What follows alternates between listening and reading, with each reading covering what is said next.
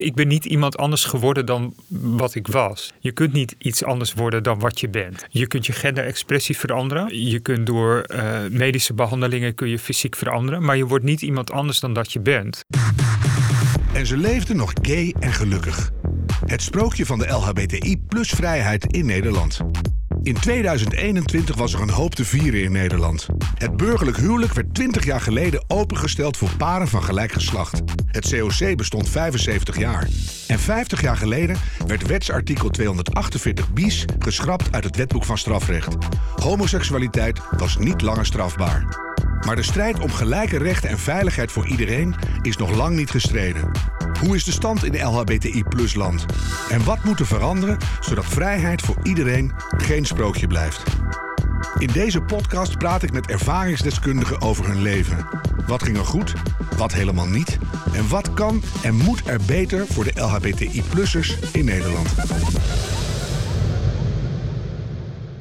Anneleva Rusje 41 jaar, woont in Zeist, coördinator community en onderwijs bij Transgender Netwerk Nederland, houdt van kunst, cultuur, natuur en tuinieren en is al sinds 2008 actief betrokken bij de LHBTI plus community en de emancipatie daarvan.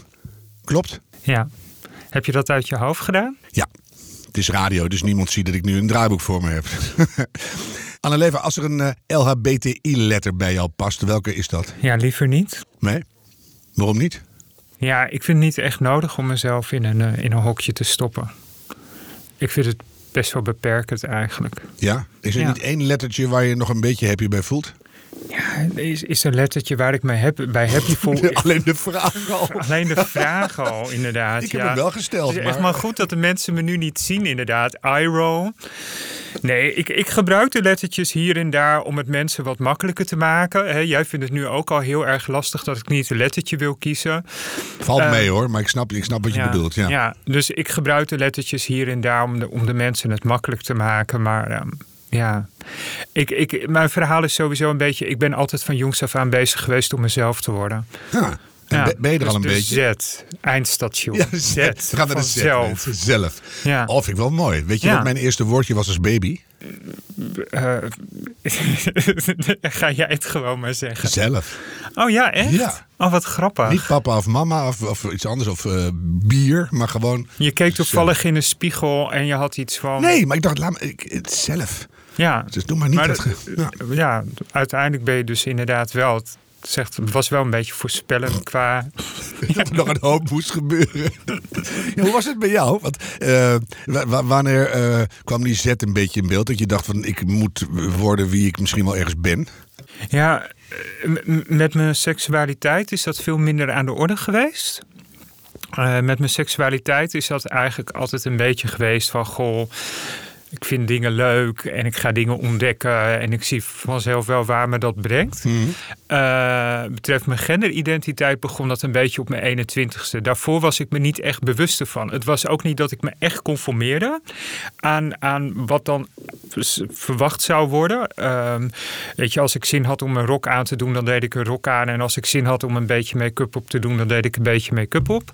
Maar ik was me niet echt bewust van het feit van, oh, maar dan ben ik misschien wel iets anders dan een jongen. Ja. En dat begon eigenlijk pas op mijn 21ste te mhm. spelen. Maar dan toch even naar die periode ervoor. In je puberteit voelde je blijkbaar in Zeist genoeg vrijheid om te denken: ik heb een rokdag. Ja, nee, nu, nu had je toch even op je papiertje moeten kijken. want ik kom oorspronkelijk niet uit Zeist nee, dus. Papiertje. Hadden we het net over. Ja, nee. Staat niet bij waar je vandaan komt. Oh nee, dat ben ik dan zelf vergeten. My bad. Ja, zie maar, um, Dankzij jou is dit papiertje heel slecht. Ja, maar we hadden het er wel net nog over een paar minuten terug. Hè? Boerenhoeven. Ja. ja, nee, ik ben geboren in Friesland. Ja. Uh, dus het was niet in Zeist. Um, Nee, wacht even. Wat was de vraag? Nou, nou, nou ben ik het ook even kwijt. Op je 21ste, daar komen we zo op. Toen gebeurde er iets belangrijks. Mhm. Maar daarvoor, in je puberteit, eh, waar groeide je op? In Friesland? Ja, nee. Ehm, eh, ik, ik ben al vrij vroeg ook weer uit huis gegaan. En, en ook Friesland op een gegeven moment verlaten. Mhm. Maar om even terug te gaan naar het begin. Want, want dat is natuurlijk waar, waar, je, waar je benieuwd naar bent. En, en waar de luisteraars ook benieuwd naar zijn. Het speelde eigenlijk vanaf jonge leeftijd al. Het was eigenlijk van... En nou wil ik niet zeggen, weet je, ik wil ook niet een traditioneel transgender verhaal gaan ophangen, want dat is het in die zin ook niet. Maar het is wel zo van zodra ik zelf kleding aan kon trekken en ik kwam in de buurt van een verkleedkoffer en er lag een jurk in, trok ik een jurk aan. Maar die trok je dan tijdelijk even aan. Ja. Want dat deed ik ook. Wij hadden een oude kist beneden staan en er lagen allerlei jurken en trouwhakken en gedoe in. Nou, Ja. niks leuker dan een toneelstuk of een optreden beneden aan de trap met een nepmicrofoon in een jurk. Ja, maar het is best wel interessant dat je dat zegt. Want weet je, ehm, ik neem aan dat jij identificeert als cisman. Ja. En toch vond je het leuk om jurken aan te trekken. Enorm. Wat zegt dat over jou? Nou, dat ik sommige dingen leuk vond om uit te proberen of af en toe iets anders wilde zijn. En, en dat is het dus precies. Het, eh, weet je, het is aardig om dit zo even te vertellen, maar het zegt niks over mij. Het, het, het zegt niks over, het, eh, over, over hoe ik mijn genderidentiteit beleef. Of waar je Het dan daardoor uit zou ja, komen. Het enige wat, wat het inderdaad zegt, is dat ik het leuk vond om jurken aan te trekken. ja, maar hield je die, die idee niet aan naar school? Nee, maar op school, als ik daar jurken kon vinden, trok ik ze wel aan. Maar dan was het weer een verkleed moment eigenlijk. Ja, min of meer. Ja, Ja. dus het was veilig. In mijn hoofd was ik waarschijnlijk heel veel meer dan dat. Mhm. Maar Ja, maar dat was ik dan weer niet. Behalve Oh. misschien grappig of bijzonder interessant. Mhm. Maar niet zozeer, ook misschien tijdelijk even echt een vrouw of zo. Was ik, dat was ik ja, ik zi- zit niet aan gender te denken, meer aan, aan status of zo. Ja, ja. Ja, grappig. Ja. Er kon iets bij bij jou. Ja. En toen, toen werd je langzamerhand... Nou, eerst maar even die puberteit. Hoe ben je daar doorheen gerold? Ja, nou ja, zoals je het zegt, daar ben ik doorheen gerold. Was je toen al het huis uit? Was je nog thuis? Ja, ik, ik heb, eh, ik heb eh, onconventionele, onconventionele jeugd gehad. En eh, ja, het is allemaal een beetje op een minder traditionele manier verlopen. Ja. En, Ja. en kan je daar iets over zeggen? Of wou je dat als volgt samenvatten? Ja, nee, zo wilde ik het wel Dat kan. samenvatten. Ja. Dus, maar- dan is het wel interessant als, als je niet meer thuis hoort met direct oudertoezicht. Want je zei net, ik kon gewoon kijken wat ik leuk vond en dingen proberen. Dat is, dat is het denk ik ook wel hoor. Dat, dat, ik, ik geloof zelf wel dat ik daar echt een voorsprong in heb gehad. Doordat ik, ehm, doordat ik inderdaad toch al vrij jong uit huis ging. En in hele andere situaties terecht kwam. En ook van school ben geraakt al op vrij jonge leeftijd. Mhm. Eh, dat heeft me juist wel de ruimte gegeven om echt te ontdekken van... hé, hey, wie ben ik en wat wil ik? Ja. Dus ik was op mijn, op mijn vijftiende, bij wijze van spreken, ook al aan het demonstreren en met activistische dingen bezig. Zo. Ja. Ja. Had, je, had je de ruimte voor, dat kon. Ja. Maar dat, zit wel iets in jou wat de kern van jezelf, ook al was je die misschien nog hier en daar aan het zoeken, vastgehouden heeft. Want Mhm. je had daardoor ook heel makkelijk uit kunnen glijden of weg kunnen raken. Ja, ja, ja, maar ik ben, altijd ik ben altijd wel heel erg bewust geweest van, van wie ben ik en wat wil ik en, en, eh, en daar ga ik voor. En wat is dat dan? Niet zozeer wat je wil, maar wa- wat is dat in jou waardoor je dat altijd zo zeker wist? Ja, weet ik niet. Een stukje karakter, denk ik. Ja. Ik, ik, ben, ik, ik, ik ben ook echt ontzettend koppig. Eh, dus waarschijnlijk zal het op een of andere manier wel met elkaar verband houden. Ja, dat, Ja. dat- dat- dat dan. Je had genoeg ruimte om dingen uit te zoeken, maar die koppigheid die is niet de kop ingedrukt. nee, precies. Nee. en toen werd je 21. Ja. En toen? Ja, en toen? Ik weet eigenlijk niet zo heel erg goed hoe het allemaal begon. Maar ik werd me op een gegeven moment bewust van dat ik toch niet echt heel erg prettig voelde bij het idee om inderdaad als jongen of dan als man eh, eh, eh, verder te moeten leven. Alleen ik kwam in die zin ook wel min of meer in een lastige situatie terecht. Op zich wist ik wel heel erg goed van, oké, dit weet je van wa- wa- wat ik inderdaad wat ik wilde.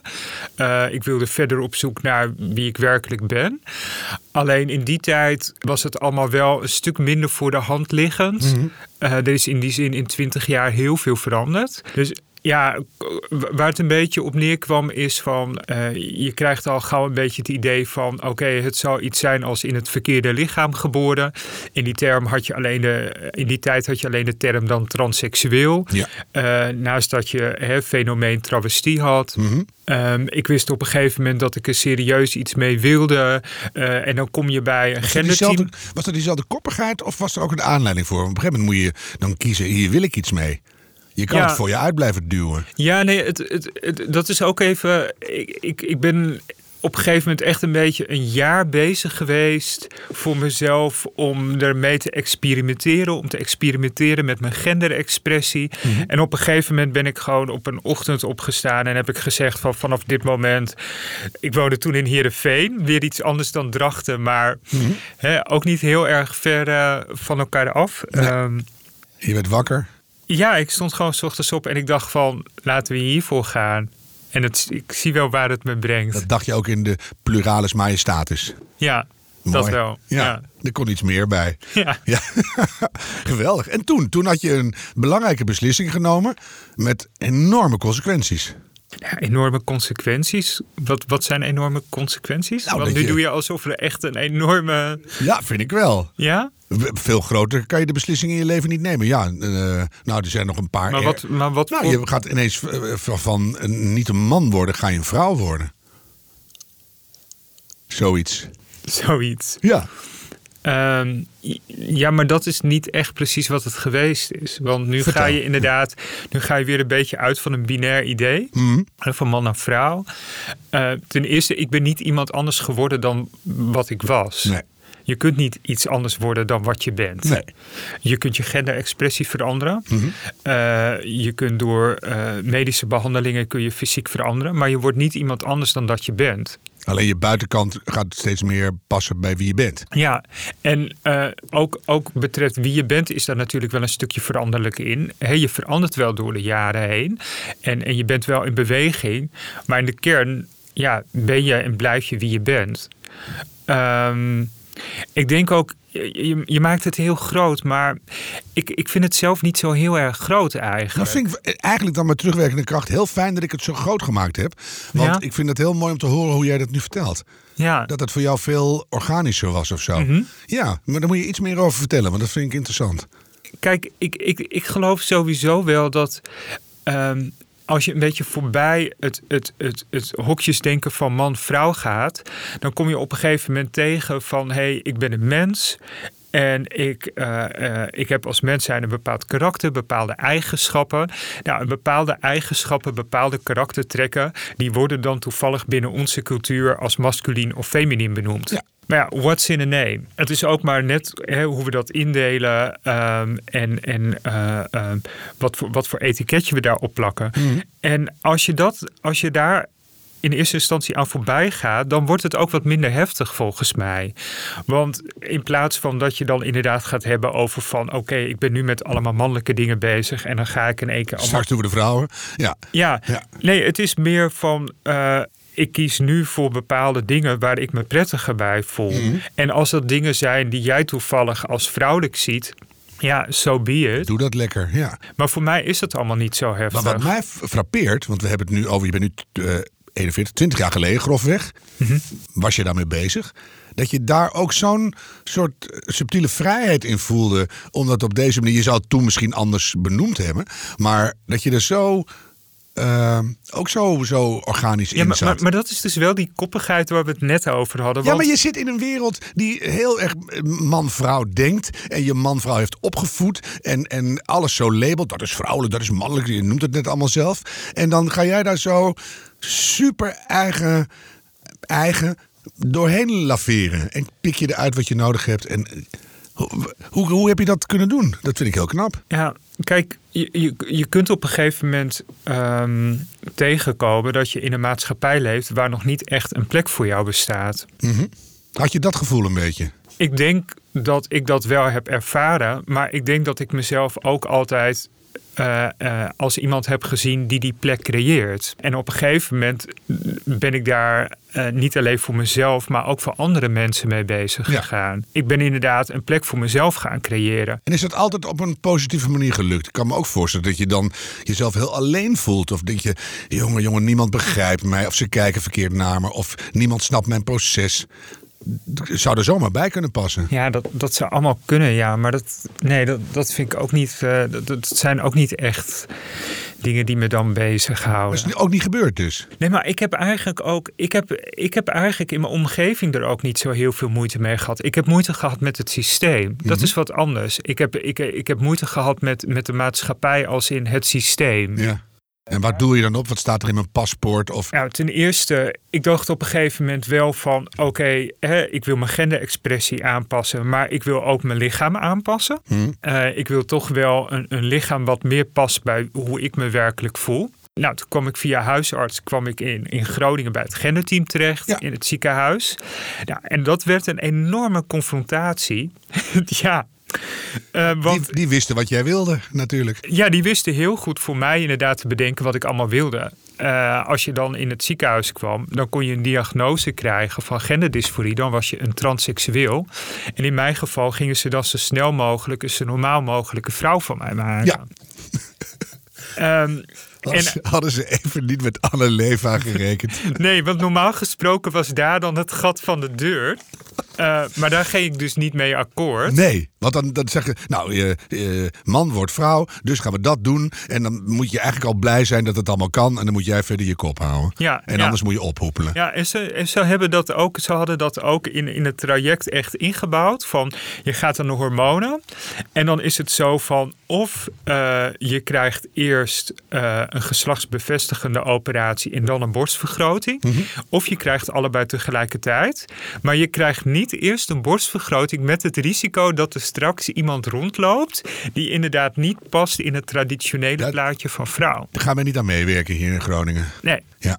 En daar dacht ik dus anders over. Want wat dacht jij? Ik dacht van nou, laat me gewoon eerst die borstvergroting maar doen. Want daar, daar ben ik helemaal zeker over. En dan zien we wel weer eens Ja. verder. En dat, dat- ik snap het nu al, terwijl ik daar echt niet elke dag over nadenk. En dat ging er niet in daar. Nee, eh, maar nou ja, zoals ik zei, van, ik liet het er natuurlijk ook niet bij zitten. Eh, dus ik heb daar wel een behoorlijke rel eh, geschopt. En uiteindelijk dus voor elkaar gekregen om die borstvergroting te doen zonder een geslachtsbevestigende operatie. Ja. En ik heb toen ook tegen hun gezegd van, van let op mijn woorden. Dit gaat vaker voorkomen. dit gaat vaker voorkomen. Even applaus voor jou. Ja, laten, laten we nog eens tien jaar verder kijken. Ja, heb je ze nog gesproken, tien jaar later? Ik heb hun niet tien jaar eh, later gesproken, eh, maar ik heb wel meerdere momenten mogen meemaken dat ik dacht van oké, we zijn nu vijf jaar verder en het VUMC heeft nu gezegd van we zetten de deuren ook open eh, voor mensen die er andere ideeën over hebben. Mag het alsjeblieft? Ja, Jongen, jongen. Ja. Je bent nu 41. Waar, waar, waar zit je in, je in je proces van jezelf worden? Hier. Waarom vraag ik dat eigenlijk aan jou? Ja. Dan weet je wat er komt. Ja, ik bedoel van het zijn echt van die, van die vragen waar het- nee, maar je ben je, van, ben je uitgereisd of ben je nog steeds volop in ontwikkeling? Ja, elk ik ben, mens volop, ik, ontwikkelt. ben, ik ben volop in ontwikkeling. Ieder, ieder mens is in ontwikkeling. Weet ik, maar is, is het Ja. bij jou nog op een andere manier dan bij mij bijvoorbeeld? Ik weet niet. Het ligt eraan waar waar je het over hebt. Ik bedoel, wat, wat, wat is de vergelijking? Nou, is je, is je overeenkomst? genderidentiteit nu goed zoals die is? Ben je er helemaal happy mee? Ja, Nou, dat lijkt me heel fijn. Ja, maar ik bedoel, eh, eh, laat mij een mens zien die, die altijd helemaal gelukkig is Oh. met zijn eigen lichaam of zo. Nou, ik kom, ik kom een end. Nee, is altijd, maar daar ben ik ook niet zo mee bezig. Jeetje, dan heb ik weer flapporen en dan denk ik, oh help. Dus, Ik zat eigenlijk net even een beetje te kijken van, ben je nou echt blond of toch een beetje rossig? Nou, dat is wel gek. Dat komt ook door het licht. Maar mijn vader was hartstikke rood. Ja, want En- ik zat namelijk net op Instagram te lezen en toen zag ik dat het vandaag Kiss a Ginger Day Oh, is. nee, dat weet jij dan weer. Ja. Oh, dat is echt mijn dag. Ik ben Ja. zo dol op ginger. Het is een beetje ordipaal geneuzel. Ik hoop dat het daar niet vandaan komt. Zo leuk was mijn vader nou ook weer niet. Maar eh, nee, ja. Oh, wauw. Ja. Nou, 41 slaan we dat gewoon over. Het gaat goed met je. Ja, maar ondertussen in je hinten nu, er net nu al de echt interessante vragen. Zeg, wat is je lievelingskleur? Nee, je hint er net al een beetje naar. Eh, dat je niet alleen eh, voor jezelf koppig bent, maar dat je die hele LHBTI-emancipatie ook een warm hart toedraagt en je daar ook voor inzet. Ja, Hoe ziet dat eruit? Je bent, je bent begonnen als vrijwilliger ooit? Ja, weet je, wat, wat misschien wel leuk is om te vertellen, want dat is natuurlijk het hele idee van zo'n podcast, dat je ook leuke dingen gaat vertellen. Nou, het is wel een plus. In plaats van dat je de hele tijd een beetje, een beetje aan het. eh, ehm, nee, ehm, wat wel leuk is, is dat eh, voordat ik echt inderdaad op een bepaalde leeftijd besloot van hé, hey, ik wil dit doorgeven, ik wil, ik wil ook voor andere mensen wat betekenen, had ik jaren daarvoor een gesprek met mijn oma. Ehm, Eh, en ehm, mijn oma was sowieso fantastisch. M- mijn oma kwam dus inderdaad echt van een boerderij. Mijn opa en oma die hadden altijd een boerderij in Drenthe. Ja. Eh, en mijn oma was ontzettend eh, liefdevol en begripvol. En weet je, toen ik, toen ik voor de eerste keer als Anneleva bij haar kwam liep ze op een gegeven moment naar achteren, eh, naar de logeerkamer en daar had ze een poppenverzameling. En toen kwam ze uit de logeerkamer terug met een pop en ze zei van kijk, toen jij zeven jaar was, heb je de kleertjes voor deze pop genaaid en heb je haar haar zo opgestoken en dat heb ik al deze jaren zo bewaard. Ehm, en nu snap ik, nu valt dat voor mezelf ehm, een beetje op zijn plek. Eh, dat, dat, dat zei ze dan. Maar ik had inderdaad op een gegeven moment. Ik, ik, ik weet niet eens of ik toen al als Annaleva door het leven ging. Maar ik had een gesprek met haar. eh, wat ook ging over feminisme. Ja. En, en ik was haar een beetje, ik was daar met haar over in gesprek. En ik had haar een beetje klem gezet. Want zij zei op een gegeven moment tegen mij van ja, maar opa, opa die heeft toch wel de broek aan. En dan zei ik tegen haar van nou, ik kan me wel herinneren dat oma eens een keertje ergens niet mee eens was. En dat ze daar best wel boos over was. En dat ze opa gewoon drie dagen heeft genegeerd. En moet je eens kijken wie uiteindelijk eh, zijn zin kreeg. En toen moest ze heel hard lachen. En toen zei ze tegen mij van... Ja, jij zou eigenlijk een soort dominee moeten worden... maar dan van het feminisme. Ja, en het, Zelfs niet alleen maar lief, maar ook voorzienend. ja, ja je. zeker. Je Ja, moet even bijkomen van je lieve verhaal. ja, Dat is wel heel lief. ja. Ja, en dit is ook echt een van mijn, van mijn meest waardevolle herinneringen. Nou, dat snap ik heel goed. Ja, ja. Ik had alleen maar ruzie met mijn opa toen ik vijf was. Toen wou ik archeoloog worden. En dan zei ik, opa, het is allemaal goed hoor, met God en zo. Maar die kan nooit de wereld hebben geschapen. Want die dinosaurussen, die zijn 300 miljoen jaar oud. Nou, was ik vijf. Woedend. Ja, Laat zo'n kind met rust, denk je dan. ja, Met die wijsneuzige uitspraakjes. ja. Jij kreeg een mooie pop. Wauw. Ja, mijn, mijn oma is daar ook altijd, eh, ook, ook bij haar de andere kleinkinderen, daar is ze altijd heel erg duidelijk in geweest. Ik, heb ook wel verhaal gehoord later ehm, met een van mijn neefjes, die, die, die een stuk jonger is dan mij. Ehm, dat het eh, jongetje wilde ook op een gegeven moment met een pop spelen. Die wilde ook een pop hebben. En mijn oom scheen dat op dat moment niet te willen. Die had iets van, ja, dat, weet je, dat komt nooit goed met jou dan. Ja. En eh, mijn oma erbij, hè? Echt. ja, Henk, laat een kind met rust. ja, goede oma. ja Hoe heet je oma? eh, Albertina. Weet je. Hoe zet je je op dit moment in voor de LHBTI-familie? Op dit moment eh, eh, heb ik mijn betaalde werk, Mhm. eh, mijn baan. En eh, ik heb wel vaak ook daarnaast nog weer vrijwilligerswerk erbij gedaan. Maar op dit moment eh, werk ik voor het Transgender Netwerk Nederland. En dat is hoe ik me hoofdzakelijk inzet. eh, met hier en daar eh, kleine activiteitjes ernaast. Hoe, hoe gaat het met het netwerk in Nederland? Het netwerk zal wel goed gaan, maar met die samenleving eromheen. Want jij vertelt nu toch een verhaal van iemand die er echt glorieus doorheen gezeild is allemaal. Ja. En je zit hier trots te vertellen. Je bent een heel leuk iemand. Ik moet ook heel erg om, Oh. ik, ik moet heel erg om je lachen ook. en huilen een beetje. Door, die, Oh. door die oma. Ja. Ja, maar dan... Ik moest ook echt wel even gewoon Ah, zo wat slikken hoor. verhaal. Ja. Ja, ik had ook Ja. wel een lieve oma. Maar Ja. Ik, Weet je, ik, ik denk dat we echt in een tijd zitten van ontwikkeling. En dat je, dat je zowel een, dat je ook een beetje tegengestelde ziet.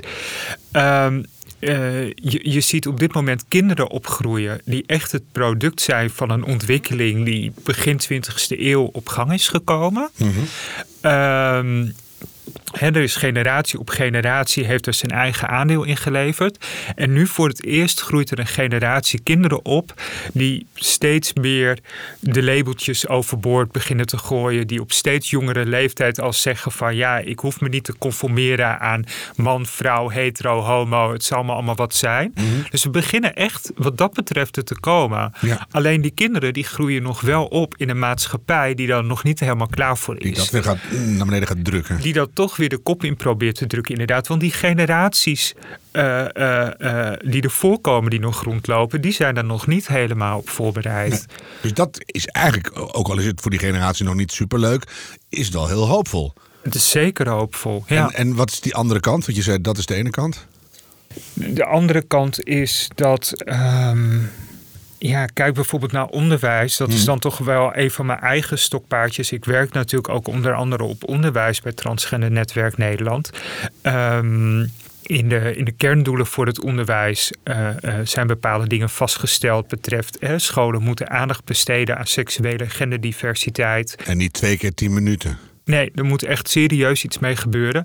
In de praktijk komt daar natuurlijk nog steeds niet eh, genoeg van terecht. Mm. En, en eh, voor, een deels is dat ook te begrijpen hoor. Je moet, daar, eh, je moet daar natuurlijk ook de tijd voor maken. Je moet ook weten hoe je daar invulling aan geeft. Ja. Maar het betekent dus wel dat, weet je, het, een, genderinclusieve school bijvoorbeeld, het is veel meer dan alleen inderdaad eens een voorlichting geven. En En een wc. ja, is, en, is en niet genoeg. Nee, en het, het, het gaat ook niet alleen over transgender en non-binaire kinderen. Eh, genderinclusiviteit, dat betekent eh, inclusiviteit voor allemaal. Dat betekent dat iedereen, ongeacht eh, wat diens gender of seks is, dat het daar veilig voor is. Maar het is ook echt het creëren van een, een schoolomgeving, van een inclusieve schoolomgeving. Veilige, warme omgeving. Ja, Waar iedereen hoort. en, en, en, ook, en dat moet je ook op een gegeven moment terug kunnen zien. Ja. En dat betekent dus dat als je een boek uit de kast pakt, of naar, als je naar een poster op de muur kijkt, dat dat niet allemaal witte, heteroseksuele, cisgender poppetjes zijn. Nee. ja, die, weet je, het, je, je hebt helemaal gelijk. En als je het hardop zegt, en dan stel ik me dat voor dat ik in zo'n school rondloop. En denk ik, oh ja, het zal toch niet. En dan heb je misschien één eh, persoon met een, met een donkere kleur. En dan hebben we het wel gehad. Ja. Ja, en dat is nog steeds zo. Ja. Ja. En dan denk ik, oh. Ja, en, en wa- wat dus best wel ook. Eh, wat best wel heftig is om te weten, bijvoorbeeld, is dat. Kijk, er wordt tegenwoordig heel veel lesmateriaal natuurlijk online gehaald. Maar eh, eh, er kwam onlangs nog boven de tafel dat de grote uitgeverijen van lesboeken dus onder druk staan van christelijk onderwijs. Die dus zegt van ja, al die progressieve ideeën, dat gaat mooi niet gebeuren.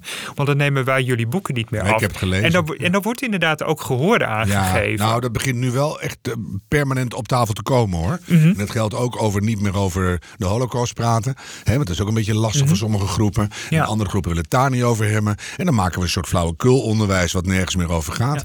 Dus, eh, En, ja. en, en ik, ik denk ook dat we wat dat betreft wel in een interessante tijd belanden. Want eh, nou, we hebben natuurlijk net in december, dat is voor, voor Transgender Netwerk Nederland eh, een hele grote zaak geweest. Eh, de erkenning en excuses eh, voor, de, voor de transgenderwet. De beruchte trans, transgenderwet hier in Nederland. Eh, eh, ik, heb, ik heb daar zelf fysiek geen schade aan ondervonden. Er zijn heel veel mensen tegen hun wil onvruchtbaar geworden. Ja. Eh, ik heb daar zelf wel mee te maken gehad. In de zin van dat ik meer dan tien jaar niet ingeschreven heb kunnen staan eh, bij de burgerlijke stand met eh, de seksen en de naam die ik wilde. De stap die erop volgde was nog steeds niet. Eh, want in 2014 werd dan die sterilisatiewet afgeschaft. Eh, toen kon ik als vrouw inschrijven. Maar dat was bij mijzelf ook heel dubbel. Ik dacht van ja, ik moet dit op een gegeven moment maar doen. Want dan dan komt het nog enigszins overeen met de realiteit. Ja. Maar ik kon nog steeds niet een X invullen op het paspoort. We hebben dus inderdaad erkenning en excuses van de staat. En dat is best wel een, mom- een momentum, niet alleen voor, voor de transgender eh, community, Mm. maar ook in bredere zin. Want we hebben eh, in Nederland altijd ontzettend veel moeite om te erkennen eh, wat ons aandeel is ja, geweest. als het een keer niet goed gegaan is. Als het een keertje Ja. niet goed is gegaan. Dat zie je inderdaad met de Joden in de Tweede Wereldoorlog. Je ziet dat met het slavernijverleden. Maar je Koloniale ziet- verleden, ja. Ja, maar je ziet het ook bijvoorbeeld in de, in de jaren 70, jaren 80 eh, met de Molukse mensen die hier naartoe Dat zijn ging nog gehaald. best wel redelijk, toch? Ja, geven we ook niet echt toe. Nee, En de katholieke ja, kloosterscheisen niet. En er zijn heel Ja. veel dingen die we liever maar gewoon doorleven. Ja. Hebben we het niet meer over. ja, Ja. hey, ehm, ja. komen we in een wereld terecht die oké is voor iedereen? Ja, niets staat vast. Alles is in beweging. Ja, Pantarei. Ja, Ja. pantarij. en ik, ik weet het niet. Ontwikkelingen eh, gaan altijd in Ja, slingergang. maar jij bent goed in voorspellen. En jouw oma die heeft dat ook goed gedaan. Dus wat, wat denk je? Gaan we, gaan we langzaam omhoog? Wordt het beter? Die generatie komt langzaam in de politiek terecht. Die is anders geworden, die jongelui. Ja, kijk, even, even gewoon als je naar de geschiedenis gaat kijken. Meegenomen inderdaad dat ontwikkelingen in slingergang gaan. Mhm. Denk ik van ja, we zijn ergens mee bezig. Het begin 20e eeuw uh, heb je bijvoorbeeld, uh, kwam in, in, uh, in Duitsland het Magnus Hirschfeld Instituut. Nou, dat heeft toen zijn tegenslag gehad in de Tweede Wereldoorlog. Maar in de jaren 40 toen begon het rellen natuurlijk alweer. Want toen kreeg je COC. Eh, ja. Uh, maar niet alleen COC, ook vanuit uh, de NMB werd de NVSH, de Nederlandse Vereniging Seksuele Hervorming, opgericht. Ja. Die in plaats van alleen op homo-emancipatie zich echt ging richten op emancipatie in bredere ja, zin. Voor de hele samenleving eigenlijk. Ja, vrijheid om, om seks te hebben met wie je wil. Ja, met een meloen desnoods. Alles desnoods met een meloen. maar wat je eigenlijk zegt, als er ergens iets zwaar onderdrukt wordt, is dat ook altijd een moment dat er weer dingen opspruiten. Ja, dus, ja, ja. en weet je, en ik geloof ook bijvoorbeeld wel dat uh, ik denk dat, dat zeg maar, die vrijere, geëmancipeerde mens, hmm. dat het ook een beetje de natuurlijke staat van een mens is. Want eigenlijk. Het is bijbedacht door geloof en cultuur en rare samenlevingsvormen. Ja, klopt. Zou kunnen. Want je ziet eigenlijk, ongeacht op welk continent je zit, eh, als je verder teruggaat in de tijd, dan zie je op een gegeven moment dat er meer gelijkheid bestaat en meer ruimte en vrijheid voor iedereen. En voor mensen die afwijken van de meerderheid, zijn ook altijd bijzondere plekken gevonden. Ja. Die waardevol waren. Ja, ja. dus het is op een gegeven moment een, een verandering geweest van sociale structuur, uh, uh, die dat heeft doen veranderen. Mhm. Maar ik denk wel dat we nu op weg zijn om weer meer terug te gaan naar ons natuurlijke habitat, naar onze natuurlijke functioneren. Want dat is eigenlijk wat we aan het doen zijn. Ja.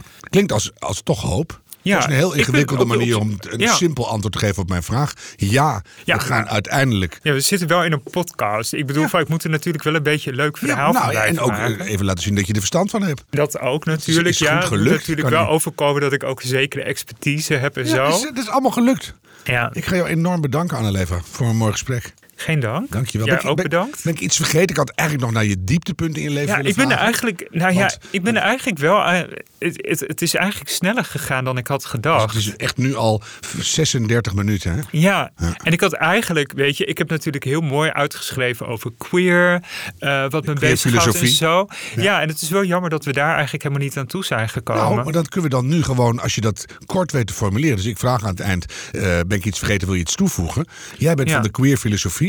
Ja. Vertel. Ja, um, ik denk dat, dat het woord queer tegenwoordig heel vaak op een manier wordt gebruikt die uh, een beetje voorbij gaat aan hoe het op een gegeven moment is geïntroduceerd in onze samenleving. Mm -hmm. Queer is niet een identiteit. Het is geen alternatief voor homo. Het is ook geen uh, uh, alternatief voor de paraplu-term voor de LHBTI. Queer is een filosofie. Het is een filosofie uh, die ons helpt na te denken over uh, uh, de samenleving, over onszelf. Het is als het ware een gereedschap om een emancipatoire ontwikkeling op gang te brengen.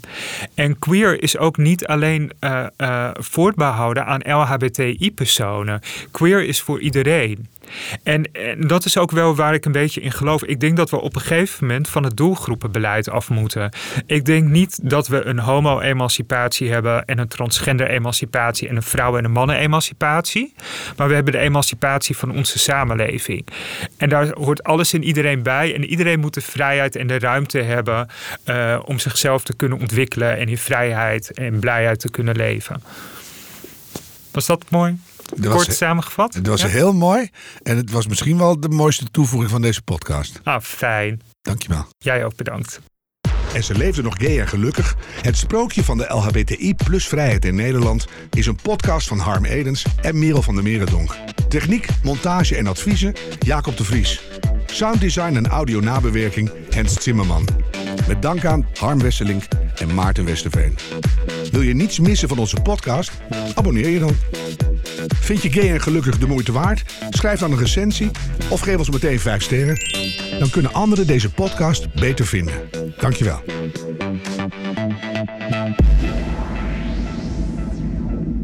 Hey, luister je nog? En ben je blij met deze podcast? Word dan vriend van de show op vriendvandeshow.nl en help ons verder te ontwikkelen door een donatie te doen. Dankjewel.